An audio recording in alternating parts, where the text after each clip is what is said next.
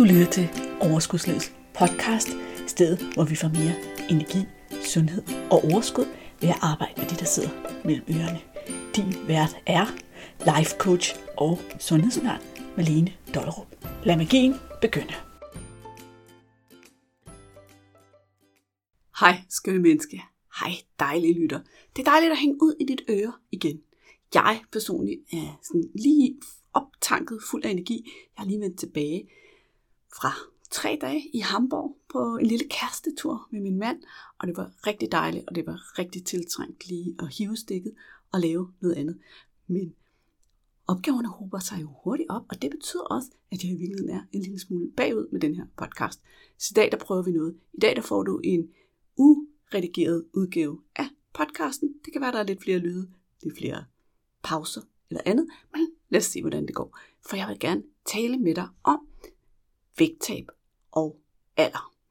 For ikke så længe siden holdt jeg en længere webinar omkring, hvad er det, der udfordrer os med vægttabet, når vi bliver ældre. Og ældre, det lyder så voldsomt, men med alderen, lad mig sige det sådan. Hvad er det, der sker, når vi kommer op i alderen, og pludselig oplever, at vi tager på, eller fedtet fordeler sig på en anden måde, eller vi skal bare kigge på en kage, så har vi taget 3 kilo på. Og hvorfor er det så svært i forhold til, hvor nemt det var, det vi var yngre?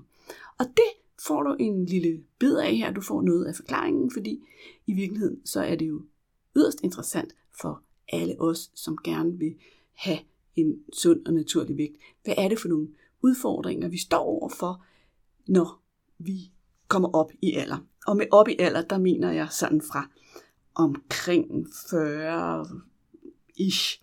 Ja, webinaret hed vægttab for kvinder over 45. Men i virkeligheden, så starter forandringerne i vores krop jo mange, mange, mange år før vi overhovedet går i den egentlige overgangsalder. Der sker en masse i vores krop hormonelt, som også betyder noget for alt, hvad der sker i vores krop, og hvordan vi taber os, hvordan vi tager på, hvor nemt og hvor svært det er. Og en af de ting, som er vigtige i den forbindelse, det er også, at der bliver ikke talt så meget om det ude, når du får information på nettet, og du får information om vægttab forskellige steder. Blandt andet fordi, at det er faktisk sådan, at langt det meste vægttabsforskning, der er lavet gennem tiden, den er myndet på mænd, fordi den er lavet på mænd. Og mænds system er mere homogen gennem hele livet, end kvinders er. Mænd har sådan, sådan cirka samme betingelser. Unge kvinder har nogenlunde de samme betingelser, og kan derfor godt følge de samme retningslinjer, når de gerne vil tabe sig som mænd. Men når vores hormonelle system så begynder at ændre sig, så begynder betingelserne også at ændre sig. Jeg plejer nogle gange at sige, at der er en ting, der er snyd i forhold til mænd og kvinder, og det er, at, og det gælder, så vidt jeg ved i hvert fald, altid. Det er sådan, at når en mand, han går ud og motionerer, så kan det bidrage mere til vægttabet, end det kan for en kvinde, fordi at mænd, de forbrænder noget, men ikke nødvendigvis kompenserer for det i appetit. Det kan godt være, de kompenserer for det, men så er det fordi, de tænker, at de må spise mere. Men deres appetit opreguleres ikke nødvendigvis af motion, men at for kvinder, der vil vi, når vi motionerer, samtidig få opreguleret vores appetit. Og det vil sige kompensere for de kalorier, vi har forbrændt ved at spise mere per automatik, så er vores system indrettet sådan. Og det er det jo nok, fordi det er vigtigere for os at holde på fedtet, holde på energien, fordi vi skal jo kunne lave børn, og vi skal, de skal overleve og alt det her. Så det er betingelser, vi ikke kan lave om på.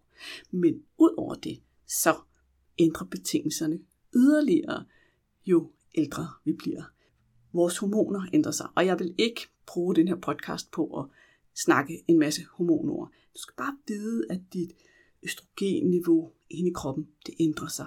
Og det betyder en hel masse for, hvordan vi omsætter energi, det betyder noget for, hvor godt vi regulerer vores insulin. Det betyder noget for, hvor stressmodtagelige vi er. Og alt det her, det har indflydelse på vægten i forhold til, hvordan vi spiser og hvad vi kan gøre, og hvad vi kan slippe afsted med. Altså, det har indflydelse på, kan man sige, to ting.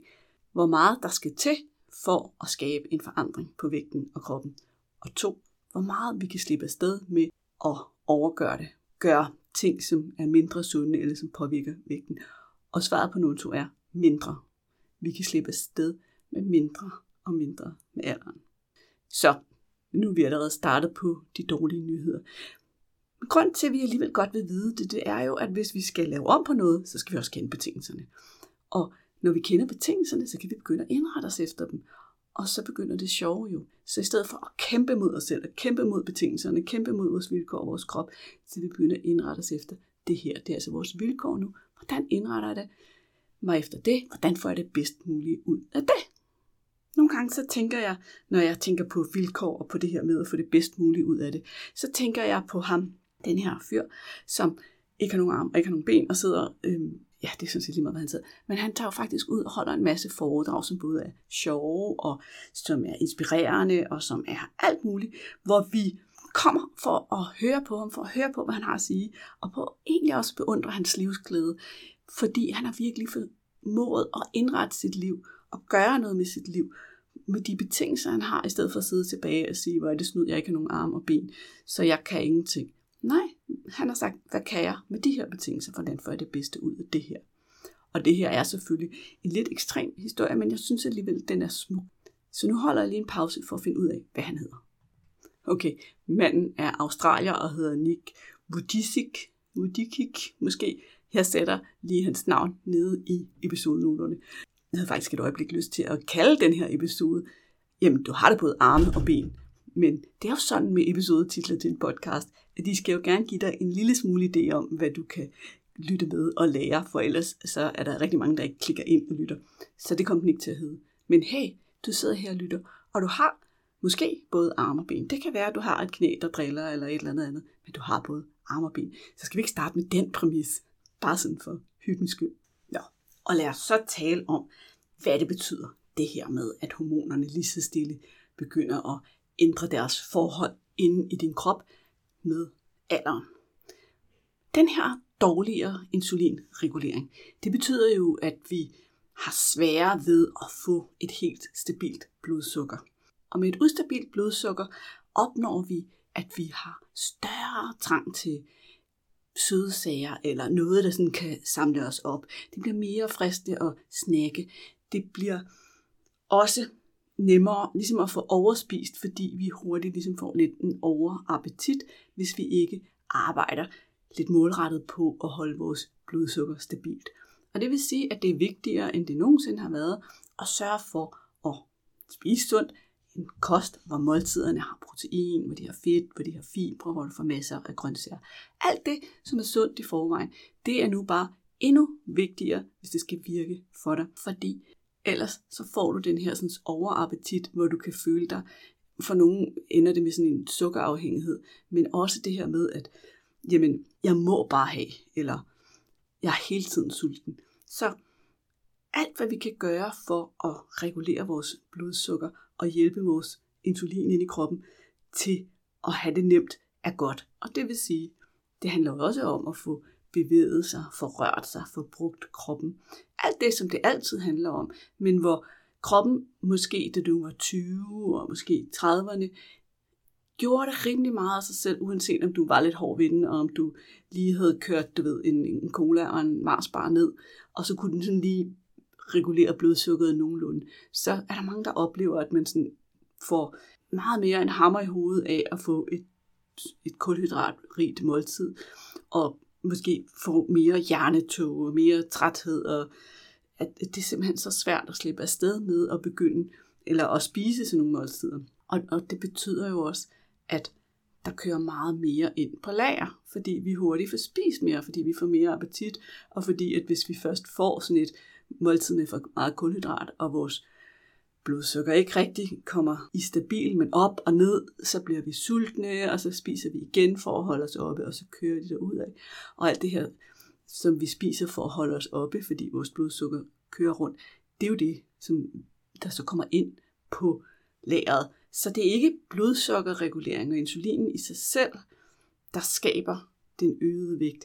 Det er det, at vi ligesom, når det, når det er dårligt reguleret, og vi fodrer os med det forkerte, så får vi en overappetit. Og den overappetit, den betyder jo, at vi putter på lager. Og det kan vi så her ganske hyggeligt kombinere med informationen om, at vi i det hele taget bare har nemmere ved at ophobe fedt. Især på maven. Og som jeg også sagde, så bliver vi også mere stressfølsomme. Så der skal ikke helt så meget til, før at vi egentlig mærker en vis form for stress i kroppen. Og stress igen, der kommer også nogle hormoner i spil. Så når vi har de hormoner i spil sammen med alt det andet, der foregår, jamen så kan vi faktisk ikke rigtig forbrænde fedt, fordi kroppen bliver sådan lidt i en undtagelsestilstand, så vi bliver lidt holdt på hat og briller. Der sker noget her, som der er krise, så vi skal i hvert fald ikke slippe det fedt, vi har på kroppen.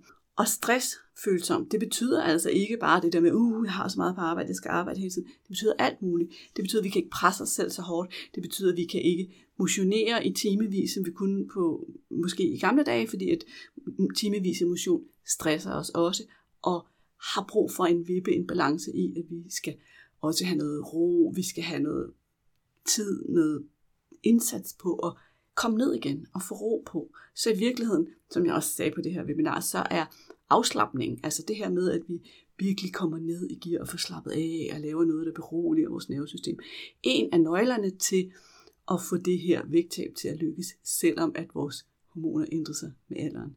Så lidt indre primadonna frem hende i hvert fald. Og så altså fuldstændig slip ideen om, at vi kan motionere os ud af problemet alene, fordi den her sådan, overdrevne motion vil stresse os og vil gøre, at vi har en fornemmelse af, jamen jeg skal ned på kalorier, jeg skal op på motion, og der sker ingenting. Nej, det gør der ikke, for din krop er totalt stress og undtagelsestilstand og holder på hat og briller. Så vi er nødt til at finde et motionsniveau, der er tilpas. Og vi er nødt til ikke at skære mere ned på kalorier, end at vores krop ikke bliver stresset. Og det betyder, at vægttabet vil gå langsommere. Det vil altså bare opleves som om, det var en gang, der kunne jeg lige smide et kilo på en uge, og nu kan jeg kun smide et halvt eller 300 gram eller et eller andet. Ja, fordi kroppen skal virkelig være midter. Den skal have balance her. Og for at det ikke skal være løgn, så får vi jo også fra, og det er allerede fra omkring vis 30, der mister vi jo lige så langsomt vores muskelmasse, hvis vi ikke gør noget aktivt for at vedligeholde den. Og det bliver sværere at bevare muskelmassen med alderen. Vi skal altså stadigvæk have motionen, for vi har brug for at bevare vores muskelmasse, fordi vores muskler er jo med til at hjælpe vores forbrænding. Vores muskler er med til at hjælpe os med at stabilisere vores blodsukker og regulere vores appetit og alting. Så vi har brug for at bevare noget muskelmasse, og hvis vi ikke bevarer den, hvis vi ikke får lavet noget som helst, så kan vi tillade os, altså så bliver vores kaloriebehov mindre og mindre og mindre og mindre. Og vi kan skære mindre og mindre og mindre ud. Så vi kan også godt stå i en situation, hvor vi siger, jamen jeg vejede 80 kilo for tre år siden, og jeg vejer 80 kilo nu, fem år siden. Men for, for fem år siden, der kunne jeg spise så meget, og nu kan jeg simpelthen ikke spise noget, uden jeg tager på. Eller jeg kan ikke nå under 80 kilo, eller 70 kilo, eller 90 kilo, eller hvad der nu er et mål. Og det er jo simpelthen fordi, at vi også har et mindre kaloriebehov. Mange af os, vi har ikke tænkt ret meget over, at vores kaloriebehov måske bliver mindre, fordi rigtig meget spisning trods alt foregår på vanen. Noget af det, som jeg kan se alle dem, der er med inde i min medlemsklub Overskudsuniverset, rent faktisk arbejder aktivt med og virkelig får nogle aha-oplevelser af. Det er det her med at komme meget mere i kontakt med sin sult og mæthed og appetit, og forsøge at se, hvad sker der, hvis jeg egentlig spiser noget mindre? For jeg egentlig, går jeg rundt og bliver sulten, eller har jeg egentlig bare spist den her portion, fordi det er en vane, men jeg kan egentlig nøjes med det her og være glad og, og fro. Og så på den måde hjælpe sig selv til at finde ud af, hvad er mit kaloriebehov egentlig? Hvad er det, min krop beder om i forhold til, hvad er det, jeg spiser, fordi det plejer jeg at spise. Så den der med også at få ryddet op i, hvad plejer jeg at spise i forhold til, hvad har jeg egentlig brug for at spise? Og igen, som sagt, vi skal ikke på strikte sultekur eller sådan noget, men vi skal måske lige ind og holde øje med, jamen, hvis mit kaloriebehov nu er blevet mindre, også fordi, at jeg måske bare har nogle andre vaner og sådan noget, men også fordi jeg måske har mindre muskelmasse og en hel masse andre ting, hvordan får jeg så indrettet mig efter det? Og det er også klart, at når vores kaloriebehov bliver mindre og mindre og mindre, så vil den her kage, som vi joker med, at vi bare skal kigge på, så sætter den sig på maven, den, det, det stykke kage vil jo alt andet lige udgøre en større del af over, hvor, altså for mange kalorier pakken, hvis dit kaloriebehov er to tredjedel af, hvad det har været. Giver det mening? Altså det her med, at jamen, det vi ligger oveni er ret meget mere, fordi vores behov er mindre. Ja, det ved jeg ikke, om jeg fik klart, men jeg tror bare, jeg holder den der. Og den her snak, vi får her, den handler ikke decideret om overgangsalder, fordi det her sker mange år før overgangsalderen egentlig indtræder for de fleste mennesker. Altså, der er jo noget, der hedder præ eller før, eller inden det sådan rigtig bliver slemt. Men det vil også være sådan, at jo mere midt i sovsen, overgangsalder, suppen du er, jo sværere har de her hormoner det. Altså, så det bliver endnu sværere. Altså det her, det kræver aller, aller, aller mest samarbejde med, din, med dig selv og din krop. Og allermest kærlig omsorg i form af sunde valg for din krop for at få det til at fungere.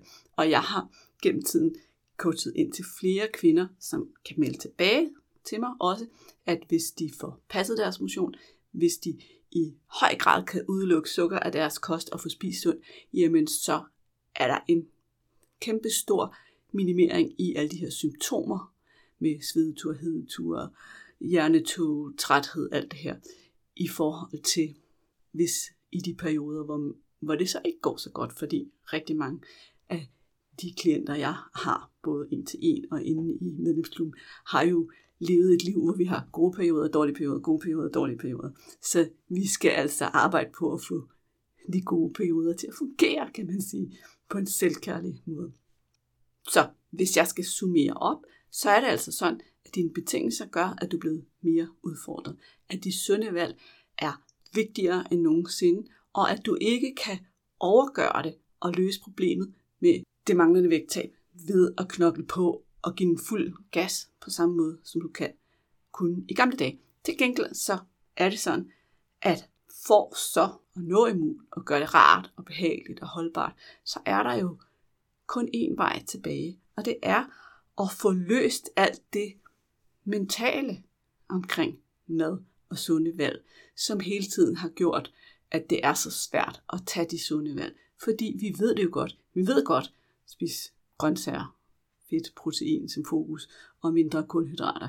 Vi ved også godt, fordi mange de har også prøvet en anden form for low carb kur. Jamen uha, jeg har det faktisk, trives godt i min krop, når jeg kan finde ud af det. Så hvad skal der til for, at jeg kan finde ud af det i så høj en grad, at det virker for mig?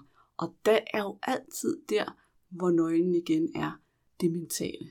Få det her arbejde, det her mindset, der gør, at du har lyst til at tage gode valg.